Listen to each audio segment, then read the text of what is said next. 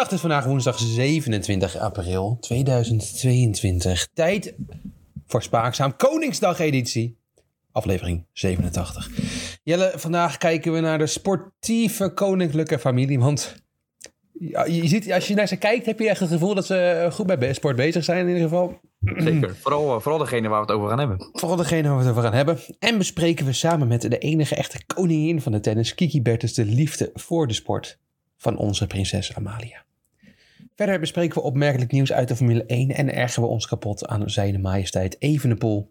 Jelle, voordat we dat gaan doen, even allemaal, jij hebt een belletje gepleegd. Ja, ik heb een, uh, ja, ik, ja, we gingen het dus over, uh, over een sportief item natuurlijk vandaag, over mm -hmm. de sportieve carrière van uh, leden uit de, uit de koninklijke familie. Ja. En ehm, als eerste kwamen we uit bij, en laat ik ook als enige, uit bij prinses Amalia, dat hij aan tennis doet. Oh ja, hebben we een belletje aan de koning, uh, naar de koninklijke relaties hier in Nederland. En uh, dat blijkt zo te zijn. En ik dacht, daar kan ik zelf een heel verhaal over beginnen en onderzoek doen. En kan ze het een beetje en dat soort dingen. Of ik kan vriendin van de show Kiki Bertens bellen. Want die zou er wel wat van weten, zou je denken. Nou ja, die zal in ieder geval wat van vinden, toch? Die zal het wel leuk vinden. Of een beetje weten of ze een goede slag heeft op de backhand beter is dan de voorhand. Of goed kan smashen, gravel of gras, hardcore, weet je wel, dat soort dingen. Dus ik heb Kiki gebeld en ik heb het opgenomen. Dus uh, nou, ja, daar komt ze. Ja.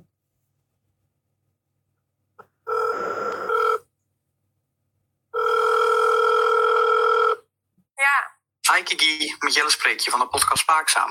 Ja, ja.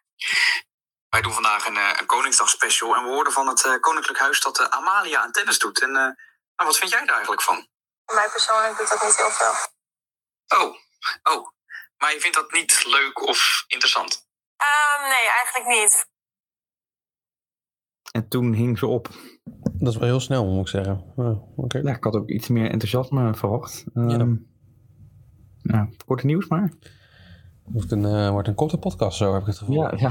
Nou, ja ik had er ook iets meer. Ja, ja. Oké, okay. volgende week uh, of, of ergens in de toekomst uh, hebben we het langer over Kiki. Korte nieuws. Ja.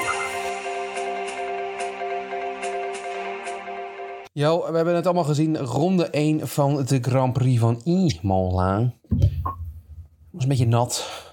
En, en ja, sommige coureurs staan dit seizoen en het seizoen daarvoor al wat meer onder druk van hun teamgenoot dan anderen. En eentje die nogal onder druk staat van zijn teamgenoot is Daniel Ricciardo. Ja. En die gaat dan soms wel een beetje overcompenseren. En wat doet hij? Hij komt knijterhard bochten één binnen, verremt zich gewoon een beetje en tikt Carlos Sainz aan. Carlos Sainz die al een kloot weekend had. Hier kon hij persoonlijk niks aan doen. Sainz? Sainz? Oh, oké. Okay. Nou, uh, weet je zeker? Ja, ik weet ja, weet je. Zeggen. Ja, Carlos Sainz, ja. ja. Oké. Okay. Carlos Sainz wordt gespind door Daniel Ricciardo. Heb jij dezelfde bocht één gezien als ik? Of is dat een... Uh... Nou, ik heb, uh, ik, heb de, ik heb de hele race gezien. Uiteindelijk dacht ik, ik ga weer een keer Ziggo kijken. Dus ik heb de samenvatting gekeken van uh, Ziggo. Oh, ja? Met Olaf als commentaar. En dat, nou, ik zal het even laten horen. Daar kwam namelijk dit uit. De rest kan lekker mee verdedigen. Goed gedaan. En de Ferrari teruggevallen naar de vierde positie van Charles Leclerc. Oh, en Leclerc en Sainz. Het is Sainz. Sainz in de ritbak. Ja, nog eerst Leclerc. Hij zei ook Leclerc en Sainz. Ja. ja. Dus denk je dat Sainz nog in die McLaren rijdt? Ik weet het niet. ja, oude man vergeten soms dingen. Uh, nee, maar het was inderdaad Sainz die gesp gespind wordt door Daniel Ricciardo. Ricciardo komt na het einde, gaat hij even langs bij de, bij de mechaniekers van uh, Carlos Sainz en biedt zijn excuses aan. Ja, mooi, maar ja. Ik kan uh, zo vaak sorry zeggen, maar ik moet toch daden zien van Daniel Ricciardo. Het mag allemaal een beetje ja. beter. Ja, het was pijnlijk ook de boordradio uh, na afloop van de race over dat dan uh, dat zijn teamgenoot Lendo op het podium stond. Auw, auw, auw. Ja, hij was niet tevreden mee. En terecht, nee. want ja. het is allemaal niet goed. Ja, hij heeft die ene race gewonnen vorig seizoen. En dat was de enige keer dat ik denk, er zit echt goede pace achter. Maar... Ja. Ja, en daarna viel het tegen. Ja. En dat is ook een simpel circuit, alleen maar te rijden in principe. Dus, ja, een paar bochtjes, ja. ja, ja. ja maar ja, hoe, hoeveel mensen, weet je, hoeveel mensen zullen het dan gezien hebben van Ricciardo dat hij het niet zo goed doet? En ik, hoeveel mensen zouden nou naar Nent kijken? Dat vraag ik me wel af. Oh. Dat is een hele goede vraag. Oh ja, ja, dat, ja dat is natuurlijk uh, Nent, de, de Nordic Entertainment Group. Hè? Ja. Mooie, mooie, mooie, mooie afkorting in Nent. Ja, mooi. Ja. Die hebben een CEO, Robert Jensen, en, uh, oh, sorry, Anders Jensen. En die hebben de, de cijfers even langs uh, uitgegeven voor hun aandeelhouders uh, in de presentatie. En daar Uh, ja, kwamen ze erachter dat de lancering van Viaplay in Nederland alle grote overwachtingen, sorry, verwachtingen heeft overtroffen. Nou. 778.000 abonnementen, joh. Veel. Ja, en er wordt dus echt stevig gekeken. In totaal heeft Viaplay in alle landen waar ze zitten... 4,7 miljoen abonnees. Een groei van 52% ten opzichte van het jaar daarvoor. En 1,2 miljoen daarvan komt buiten Scandinavië vandaan. Dus meer dan Nederland. Ja, ja nog veel. En toch denk ik... Ja. Maar dat denk ik ook, dat het nog veel meer had kunnen zijn. Ja, het is pittig, want ik heb gekeken. De kijkcijfers van de Formule 1 samenvattingen op Ziggo Sport... Uh, die worden ook gepubliceerd, Jan. En uh, zondag keken op Ziggo Sport en Ziggo Sport Select gecombineerd 129.000 mensen naar de samenvattingen van de Grand Prix van Emilia-Romagna. Ja. En uh, rond dezelfde tijd werd ook dezelfde samenvatting uitgezonden. Of nou, ook NOS. op NOS. En dat trok maar liefst 803.000 kijkers. Ja, veel meer dan. Dus we zijn allemaal Olaf Mol wel zat, heb ik het gevoel. En toch denk ik, Jan, ik blijf even bij mijn... Dat net nog veel meer kijkers kunnen trekken. Ja? Ja, ik denk, en dat is iemand met me eens. We hebben het al eerder over Robert Dornbos. Oh, Robert Dornbos, dat is uiteraard. Ja. Was natuurlijk af en toe boos over dat het niet goed gegaan is, de contractonderhandelingen tussen hem en Viaplay. Dat hij de rol die hij aangeboden kreeg, nou, dat vond hij niet eerlijk. Ik bedoel, waar vind je nog meer een man met ervaring in de Formule 1 als presentatieniveau? En hij heeft er nu weer wat nieuws over gezegd. En hij heeft een beetje uitgehaald naar zijn, ja, toch wel een beetje vriend, zou je zeggen, Tom Coronel, die er wel zit. Even een quote van Robert. Spannend. Over Viaplay. Je kan een andere kant op willen gaan. Wat ze ook doen met zijn vrouwelijke presentator en twee nieuwe commentatoren. Als je zegt dat je sportief, informatiever, journalistieker en serieuzer wil gaan benaderen en volgens niet mij neemt, maar wel Tom Coronel, die geen Formule 1 ervaring heeft, dan is het in mijn optiek gewoon vriendjespolitiek. De kijker gaat er in elk geval niet mee op vooruit. Smerig, smerig, smerig, Ja, op hetzelfde moment zou je dan denken... ze hebben Christian Albers... Uh, die denk ik langer in de Formule 1 heeft gezeten dan Robert Doornbos. Ja. Dus heb je Robert Doornbos dan nog echt nodig? Ja, het is al één keer eerder wat je zegt. We hebben drie, drie Formule, oud Formule 1-coureurs... die dan zeg maar nu ook verslag doen. Robert Doornbos... Uh, hoe heet die? Christian Albers, en, Albers en natuurlijk Guido van der Garde. Ja. Ja, en het is alle drie kan je toch een, een discutabel uh, Formule 1 carrière gehad.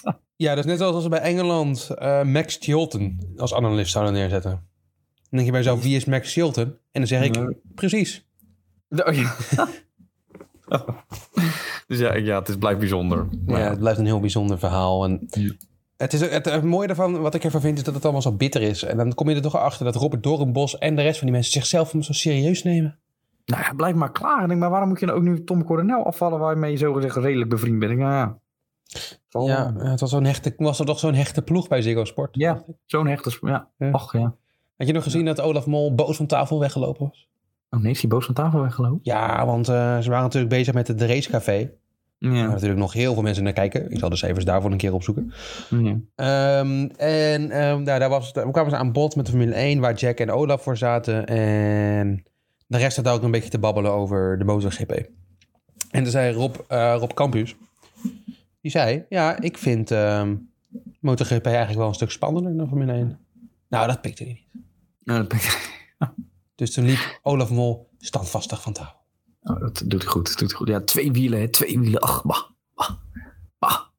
Nou, ik heb wel een stukje gekeken van de MotoGP, wat Ziggo nu natuurlijk doet. Nou, Het is een beetje hetzelfde format als hoe ze Formule 1 deden, maar dan met MotoGP-kenners. Dus twee wielen, twee wielen. Bah. En ja, ja, niet weglopen, niet weg. Blijf even zitten. Ik heb het mm. even kort ook. Freek ook blijven zitten. En uh, ja, en dan zeg maar wat vroeger Jack deed, mm op de pit zijn en interviewjes doen, dat doet nu um, Rob van Gameren. Mm. Stel die vragen of opmerkingen? Ik ga volgende week een, een, fragmentje laten horen. Want hij is namelijk, hij gaat namelijk uh, nogal vaak naar onze Nederlandse MotoGP-coureur uh, Zonta. Leuke interviews zijn dat. Oké, ja. En, maar jij, jij, heb jij nog een keer geluisterd naar, uh, naar Grand Prix Radio? Want wat is de rol van Jack eigenlijk bij dat soort dingen? Dat vraag ik me Ik uh, luister niet meer naar Grand Prix Ik ga ik het een keer gaan luisteren om te kijken toch even wat de rol van Jack is. Want ik ben echt... Uh, volgende Grand Prix, die is wanneer? Uh, niet aankomend weekend, maar die weekend erop. Ja, Miami. dan ga ik met Grand Prix Radio luisteren om even de rol van Jack te krijgen. Want ik wil, ik wil wel weten waar mijn tandartsgeld naartoe gaat. Nou ja, ik word gewoon een beetje moe van al die reclames die ze erin gooien. Van tink, tink, korting. En dan komt er weer een, een Harbor Club. En, uh... Ja, dat zat er dik aan te komen. Ja, dus... Uh... oh, Jelle. Het is Harbor time. Oh, nee. In Zandvoort, Jarni. In Zandvoort is het Harbor time. Want het, is, het gaat gewoon weer door, ja. Zandvoort gaat gewoon weer door. Ja, het is weer zover.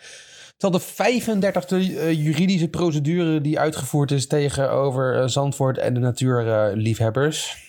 je zou denken, na 35 keer kan je ze misschien ook wel tokkies noemen. De... Um, ja, ze hebben misschien ook wel gelijk. Maar als je het na 35 keer, dat je dan denkt dat je gelijk gaat krijgen. Ja. Ja, soms ja. De, de, de, het, is, het is Nederland, hè. De, de, de belangen van de evenementenbranche worden bovenaan de natuur gezet. En dit, ja, in dit geval is er misschien nog wel een stukje cultuur. Ook al gaan mensen daar... Ja, het is de Formule 1, dus ja, in principe is, dat, is Formule 1 eigenlijk cultuur? Dat weet ik, zelf, weet ik zelf eigenlijk ook niet, maar... Hoezo? Ja, ik weet, niet, ik, weet niet of, ik weet niet of Zandvoort echt een toevoeging is aan Nederlandse cultuur. Vind jij van wel? Dat je dan die Grand Prix gekeken hebt van vorig seizoen? Al dat vuurwerk, wat dat je denkt, we zetten niet Amerika en dat volkslied. Weet niet, het past ook niet echt in de Nederlandse cultuur. Het is niet alsof we nou uh, eventjes uh, een broodje kroketten met alles zitten te vreten eigenlijk. Dan had ik gedacht van mezelf, nou dan is het tenminste nog Is er dan wel één Nederlandse cultuur, Jannie? Nee, natuurlijk niet. Nee, dus ik vind het dan gek dat je dan stelt dat dit niet binnen de Nederlandse cultuur past. Terwijl ik eigenlijk van mening ben dat er niet één Nederlandse cultuur is. Vind ik heel kwalijk. Dus van jou zou alles wel kunnen. Ja. Ja, oké. Okay. Ja, ja. Wat nee, ook... Ja. Oh, okay. sorry. Nee, nee, goed. Nee, ik wil alleen nog even zeggen dat het de 35e en niet de laatste is waarschijnlijk. Nee? Denk ik niet, nee. Ik denk het ook niet. Ik uh, ben niet van plan om... Volgend jaar zit ik dit weer te vertellen. ja, dat zal zomaar kunnen. Over de zeehondjes die uh, gestoord worden door de Formule 1 ronkende ja. motoren. Ja. We gaan door met Formule 1 en we gaan naar uh, een betrouwbare Formule 1 journalist. Albert Fabrega. Niet te verwarren met Alberto Fabregas. Die niet Alberto heet, maar wel Fabregas. Zes Fabregas. nee, dat bedoel ik. Ja. ja. Slecht bruggetje. Die zegt het volgende, Jarni. Mm -hmm. De Formule 1-markt is al in beweging. Okay. Er gebeurt wel wat. Maar dat kan ik nog niet zeggen, want ik mocht niet zeggen. Oh. Degene die weggaat, daar komt hij, let op. Ja. Degene die weggaat, verbaast me niet. Oh, nee. Degene die aankomt, wel. Oh, nee. Wel is het een verandering van coureurs tussen teams. Mm. En hij, dat Oh. heeft hij dus over de, de switches die er gaan komen halverwege dit seizoen. In de, in de break. Halverwege? Hij, heeft- hij zit er dus niet vaak naast. Hij zegt alleen nog geen naam. Nu heb ik even nagedacht over het zinnetje. Degene die gaat is niet opmerkelijk. Maar degene die komt wel. Sebastian Vettel? Dan hou je eigenlijk het enige die overgaat. Degene die niet gaat opmerkelijk. Dat is dan Latifi. Ja, dat zou je allemaal denken van, dat denk je, ja, ja. dat... Gasly. Ja. Ricciardo. Ricciardo. Maar die heeft een, een meerderjarige deal. Dus die blijft. Oh, oké. En dat was tegen dat misschien een prestatie vergelijken. Ja, ja precies. Dus dan hou je Latifi en Gasly over. Denk ik. Ja. Maar dan komt nog. Degene die komt Vanaf. is wel opmerkelijk. Ik denk dat ik het weet. Maar Ik ga, ik ga eerst één, ding, één dingetje droppen. Ja. En dan moeten we erbij, dat is wel irritant. Het gaat om een rijdersruil. Ja, en dan gaan mensen al speculeren. Is dan bijvoorbeeld Piastri, als die van het opleidingsteam van Alpine Nee. overstapt, een rijdersruil? Is Nick de Vries, die naar Williams zou gaan en Latifi zou vervangen, een? Mhm. Ik denk het niet. Maar wat wel een rijdersruil zou zijn, en waar degene waar ik het over ga hebben ook zelf wel een klein voorzetje voor gegeven heeft, is de volgende ruil die gaat komen. Mhm. Gasly out. Ja. En die wisselt met. Jannie Tromgeroffel. Tromgeroffel. Sebastian Vettel. Waarom zou dat ooit gebeuren? Dan gaat hij zijn carrière afsluiten bij Alfa Tauri. Betere auto. Hij, wil, hij heeft zelf aangegeven, ik heb hier ergens een interviewtje. De tijd zal het leren, maar het zullen de belangrijkste dingen zijn waar ik naar zou kijken om te zien hoe veelbelovend het er in de toekomst uitziet. En hoe snel ik ben. Ik ben nog niet te oud. Ik wil weer punten halen en meedoen en strijden voor podiumplaatsen. Ja, dat heb ik en ook meegenomen. Dat heb ik ook meegenomen, Jelle. En, Ja, jij zit er wel vaker goed bij. Dus en ja, ik denk dat ik het weet. Ik heb ook Sebastian Vettel in mijn hoofd zitten hier. Ja. En ik, eh, ik denk ook dat Sebastian Vettel inderdaad vertrekt. En dat er een rel in zit met ene Fernando Alonso. Ja, denk je, ja. Omdat hij zo grillig is in zijn keuzes, Fernando Alonso. Hij zit ook weer te mopperen. Want die auto is ook weer niet goed genoeg. Dan ga je toch niet naar Aston Martin? Ja, maar verwacht hij misschien... Ja, dat, maar eh, zou je dan normaal gesproken naar McLaren Honda gaan? Nee. Nee. nee. Ja, nee. Vanaf Ferrari, ik weet niet, ik zou het niet doen, maar hij deed het ook. En hij ging ook weer terug naar Renault. En eh, ja, ik weet niet. Het zijn allemaal keuzes die je niet... het, ja, je moet er niet te veel over nadenken bij Alonso, heb ik altijd het gevoel. Nee. En ik denk dat Vettel meestal wel de goede keuzes maakt. Opmars, Zwartenauer is ook heel erg groot fan uh, van Sebastian Vettel. Die heeft hem ook binnengehaald. Ja. Is toen weggegaan voor welke reden dan ook. Ja. En um, houdt van Vettel. Dus ik, ik denk dat het toen. Ik denk dat dat. Um, ik denk, maar ik toch denk het zinnetje, degene, degene die gaat is niet opmerkelijk. Ik denk toch dat Alonso wel nog opmerkelijk zou zijn. Ik denk dat ze hier denken aan Vettel. Met uh, degene die gaat dus niet opmer is niet opmerkelijk. Degene die komt, wel. Oké, okay, ja. Maar dat zou kunnen. Zo interpreteer ik het. Oké. Okay. Nee, nee, nee. Okay. Vettel en Alpine, nou ja. Ik zou het graag zien, maar... Ja. Nee, ik vond mijn theorie dat hij dan zeg maar mooi kan afsluiten bij AlphaTauri misschien ook wel een mooie. Vind ik ook een hele mooie. Ik denk dat ze allebei niet waar zijn die we hebben gezegd. Maar goed. Nee, ik denk het ook niet. Maar ik hield echt geen andere opties over. Nee, Ik denk, ik dat, denk dat er misschien toch over Piastri zit dan. Ja, Piastri naar Williams. Ja, Piastri. Nee, ik denk Piastri naar... Uh... Ik denk gewoon wisselen met Alonso. Piastri zit toch nergens? Is Piastri niet de reservecoureur van... Uh... Ja, reservecoureur. Maar ze gaan toch niet Fernando Alonso reservecoureur maken? Ja, ja, maar ja. Nee, nee. Ocon dan, denk je? Freek, heb jij een idee? Ocon, Alonso, Vettel, Latifi? Cavendish? Mag ik, Cavendish, ja. zeker. Ja, ja, ja. ja. Het zou wel opmerkelijk zijn, ja. Dat die wel bij Bahrein McLaren gereden. Mm -hmm. Dat ze Ricciardo out fietsen, maar Cavendish in. in Hij is wel klein. Past precies ja, prima in Maar Yuki ook. Mm -hmm. Ja, dat zegt niet heel veel tegenwoordig. Je kan ook naar Alfa Tauri gaan dat die auto al Yuki vervangen. Ik, ik, zou echt niet moeten weten wat er anders... Behalve dan Piastri, dat vind ik de meest aannemelijke. Ja, maar... Nick de Vries naar Williams. Ja, dat, dat, zie ik, niet, ook... dat zie ik echt niet aannemelijk. Ja, Toto Wolf, die, Toto, je ziet elke keer als Nick de Vries naast Toto Wolf in die garage, als hij erbij moet zijn, dat Toto Wolf denkt van, oh. Ja. Ja, en hij heeft er ook weer een slecht weekend. Hij wordt helemaal om de oren gereden door Van Doorn. En dan zegt hij vervolgens... Ja, ja Van Doorn had alleen mazzel omdat hij vooraan reed. En ik heb hem en uiteindelijk derde geworden is. Want hij had ook de pace niet. En ik heb hem nog wel geholpen met mensen afhouden. Dat je donderstralen en of Nick. Het was een dramatisch weekend. Maar dat is die hele Formule E weer. En dan hoor ik het weer over de boost modus. En over, dan zie je wie er allemaal gewonnen heeft. Het zijn steeds andere. En de een, ene keer wordt hij eerste en dan wordt hij tiende. Het is, omdat het ook een omgekeerde Ja. grid is, wordt hij niet goed van die Formule Ja, 1. het is Er gaan ook weer de geruchten dat dan nu Formule 1, dat het toch wel heel schadelijk is voor het milieu, wat echt meevalt. Want het is een van de duurzaamste motoren die er zijn. Dat het, dat het hele circus stopt en dat het dan Formule 1 wordt. Dat gerucht gaat weer. Dus Formule 1 stopt, het wordt allemaal Formule 1. Maar dan denk ik, het grootste probleem is niet die auto zelf, maar dat is natuurlijk de transport overal naartoe. Dat kost het verreweg het meeste. En daar gaat een Formule E-autootje ook niks aan veranderen. Maar joh, uh, we gaan het zien. we gaan het allemaal zien. Um, Dan gaat, uh, dan gaat Hamilton een boostmodus pakken. Oh, spannend. Weet je ook de boost mode vandaag te pakken had? Dylan Teuns. Dylan Teuns heeft gewonnen in uh, de Tour van, uh, wat is het? Romandie. Zwitserland. Ja, Tour de Romandie staat er, maar dat is wel echt Tour de Zwitserland. Maar goed. Ja. Uh, ja, hij heeft gewonnen van, uh, van Dennis op een gruwelijke, verschrikkelijke manier door hem op de laatste meter in te halen. Terwijl hij het helemaal niet verdiende, Dylan Teuns. Had de hele koers verkeerd ingeschat. Ja. Dromo Dennis, ja, die, ik, zit, ik vind hem een beetje dik, Dennis. Ja? Ja, als ik hem zie fietsen. Hij had ook, die, die tijd dit had hij ook al um, mm. niet helemaal lekker natuurlijk. Ik vind hem een beetje te dik. En als hij een klein beetje op zijn Ineos gewicht was geweest. Ja. Had hij daar wel gestaan. Maar ja. ja, hij blijft natuurlijk een mooie renner, uh, Rowan Dennis. Een veel mooiere renner dan Dylan Teuns. De ene valt met zijn hoofd op de, de grasmaaier terwijl hij de gras aan het maaien is. Dus ja. denkt, hoe krijg je het absoluut voor elkaar? en bent er daardoor een half seizoen uit. En de ander die stapt halverwege de koers uit. Omdat hij zijn fiets niet lekker fiets fietsen. Ja, dus toch, ik vind ja, het toch een mooie renner, Rowan Dennis. Maar... 1 1 is 2, ja. Ondertussen Mark Hirschi derde, die zijn doping weer gevonden heeft. En Alexander Vlaashoff met zijn witte vlag. Waar zou welk land zou hij vandaan uh, komen, Jelle? Frankrijk? Ik zei, wie, wie, weet. En Quinten Hermans, die ik uh, toch een beetje ga afzeiken zo meteen. Ja. Oh, Vijf. ja?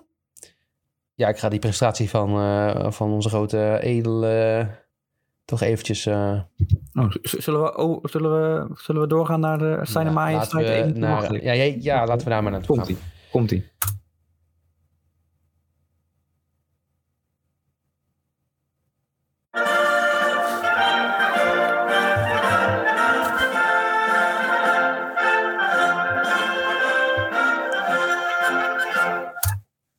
Ja. Jel, jij Ja. eh, had mij de vraag gesteld of ik eh, me wilde verdiepen in het Koningshuis in de sport. Ja. Toen heb ik dat misschien verkeerd geïnterpreteerd. Want mijn wielerkoning is natuurlijk Remco Evenepoel.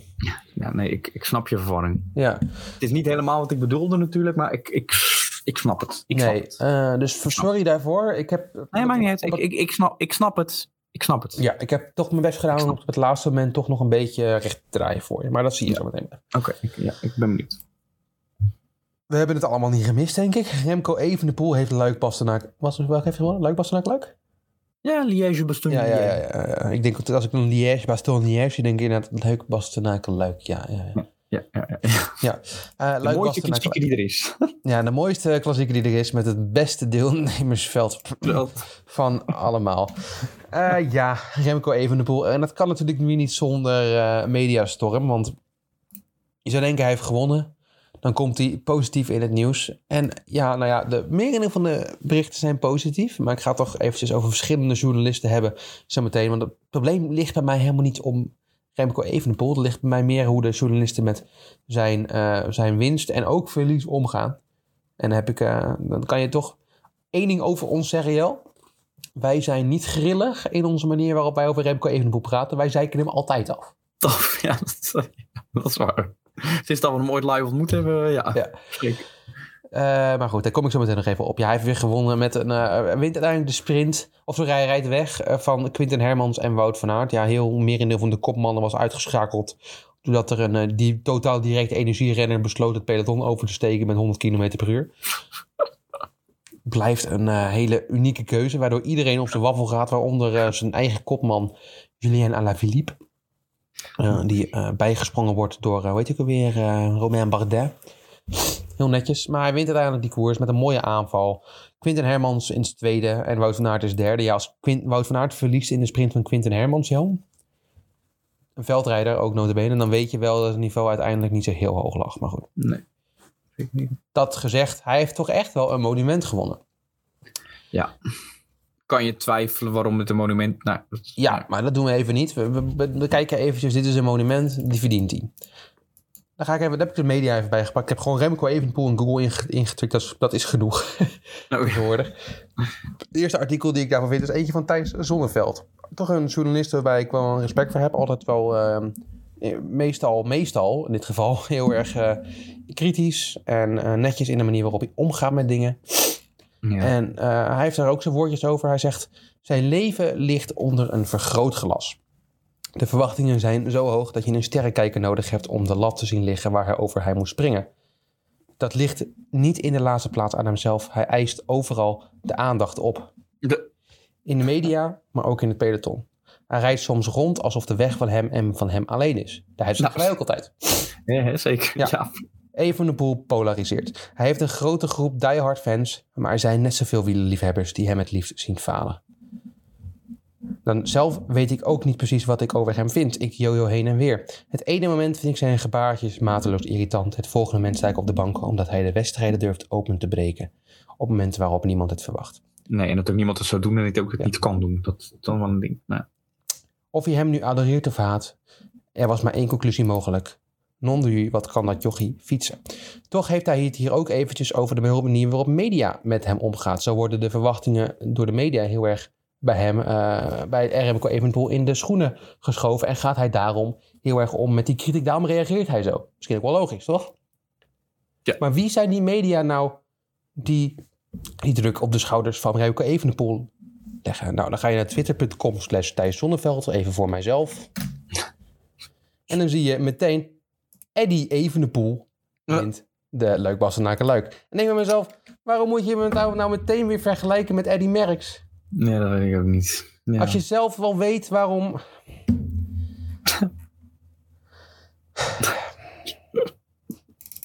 Ja, het is vreselijk. Ja, het is wel typisch. Ja, het is wel bij. Ik had ook van, eh, ik zei het toen tegen jou, de podcast van, ehm, van Eurosport, die had dan definitieve doorbraak en terugkeer van het fenomeen. Ja, ja, Ja, ik heb nog wel mooie eh, headlines gevonden. Uh, Wielenflits.nl, Jan. Remco Evenepoel huilde geregeld zonder te weten waarom hij huilde. Dat was het interview waar wij het laatst met twee over hadden.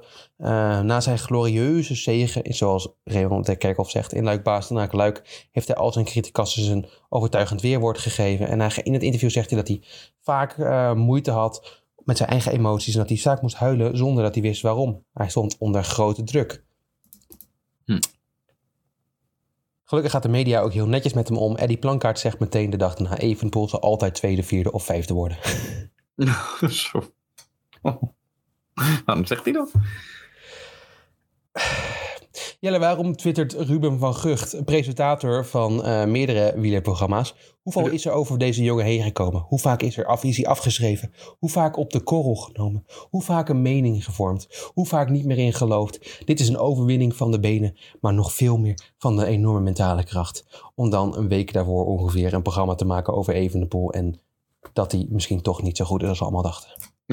Echt waar. Gaan we mee in de vaart der volkeren dan? De vaak der volkeren moet stoppen, Jel, volgens Michel Wuits. De hype moet milderen, zegt uh, Michel Wuits, bekend commentator uh, van de Belgische wielersport. Ja. Uh, om dan vervolgens de dag erna, nadat hij Luik Bastenaak te zeggen, Evenepoel op eenzame hoogte. Oh. Dus misschien moeten we de hype maar niet stopleggen dan maar. Wie Luik wint, kan wereldkampioen worden, Tom Bonen. Opvallend, Remco Evenepoel kreeg standbeeld op een berg in Portugal. Dat is misschien al even geleden, maar ik wil het toch even meenemen. What the fuck? Standbeeld op een berg in Portugal. nou we kunnen, we, kijk, het gaat natuurlijk, het is een jong ventje Ja. uit een wielerrijk land met, met mensen die hart en ziel voor hun Belgische sporters toejuichen. Ja. Het is een talent, dat, wat we ook van hem vinden, dat is natuurlijk gewoon zo. En ja, als dan iedereen de hele tijd tegen je zegt dat je inderdaad de Eddy Merckx, de nieuwe Eddy Merckx bent, het grote talent, die misschien niet alleen maar een klassieker kan winnen, maar uiteindelijk ook de Tour de France etappes gaat winnen, ja, dan gaat hij zich natuurlijk langzamerhand een koninkje voelen. En zo heeft hij zich ook altijd heel fijn gedragen, zowel naast de baan als voornamelijk op de, op, op naast de baan, op de weg, als naast de weg. En voornamelijk erop, wat ik al eerder met al die gebaartjes. en als er ook iemand maar een halve seconde bij hem in de buurt reden, moest hij al aan de kant, want hij moest die sprint aangaan. Hij dacht het mooiste voorbeeld vond ik altijd nog de, de Olympische finale.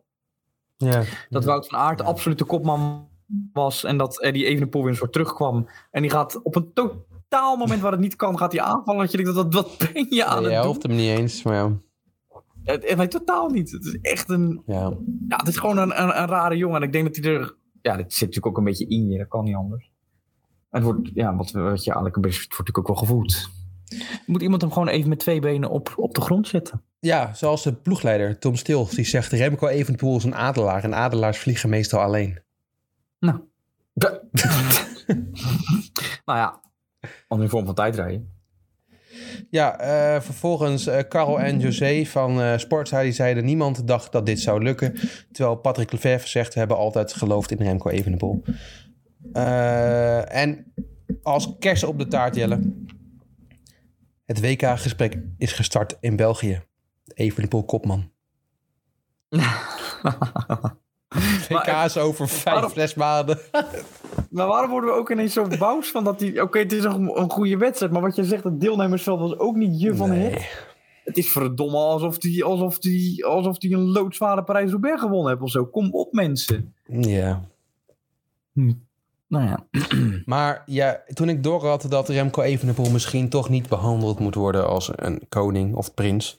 Want zo groot is hij er ook weer niet. Nee. eh, kwam ik, eh, ging Tom maar even googlen naar onze koningin. Is Maxima sportief? Als laatste afsluiter van deze Oh, wie podcast. toch nog... Oh. Maxima was sportief.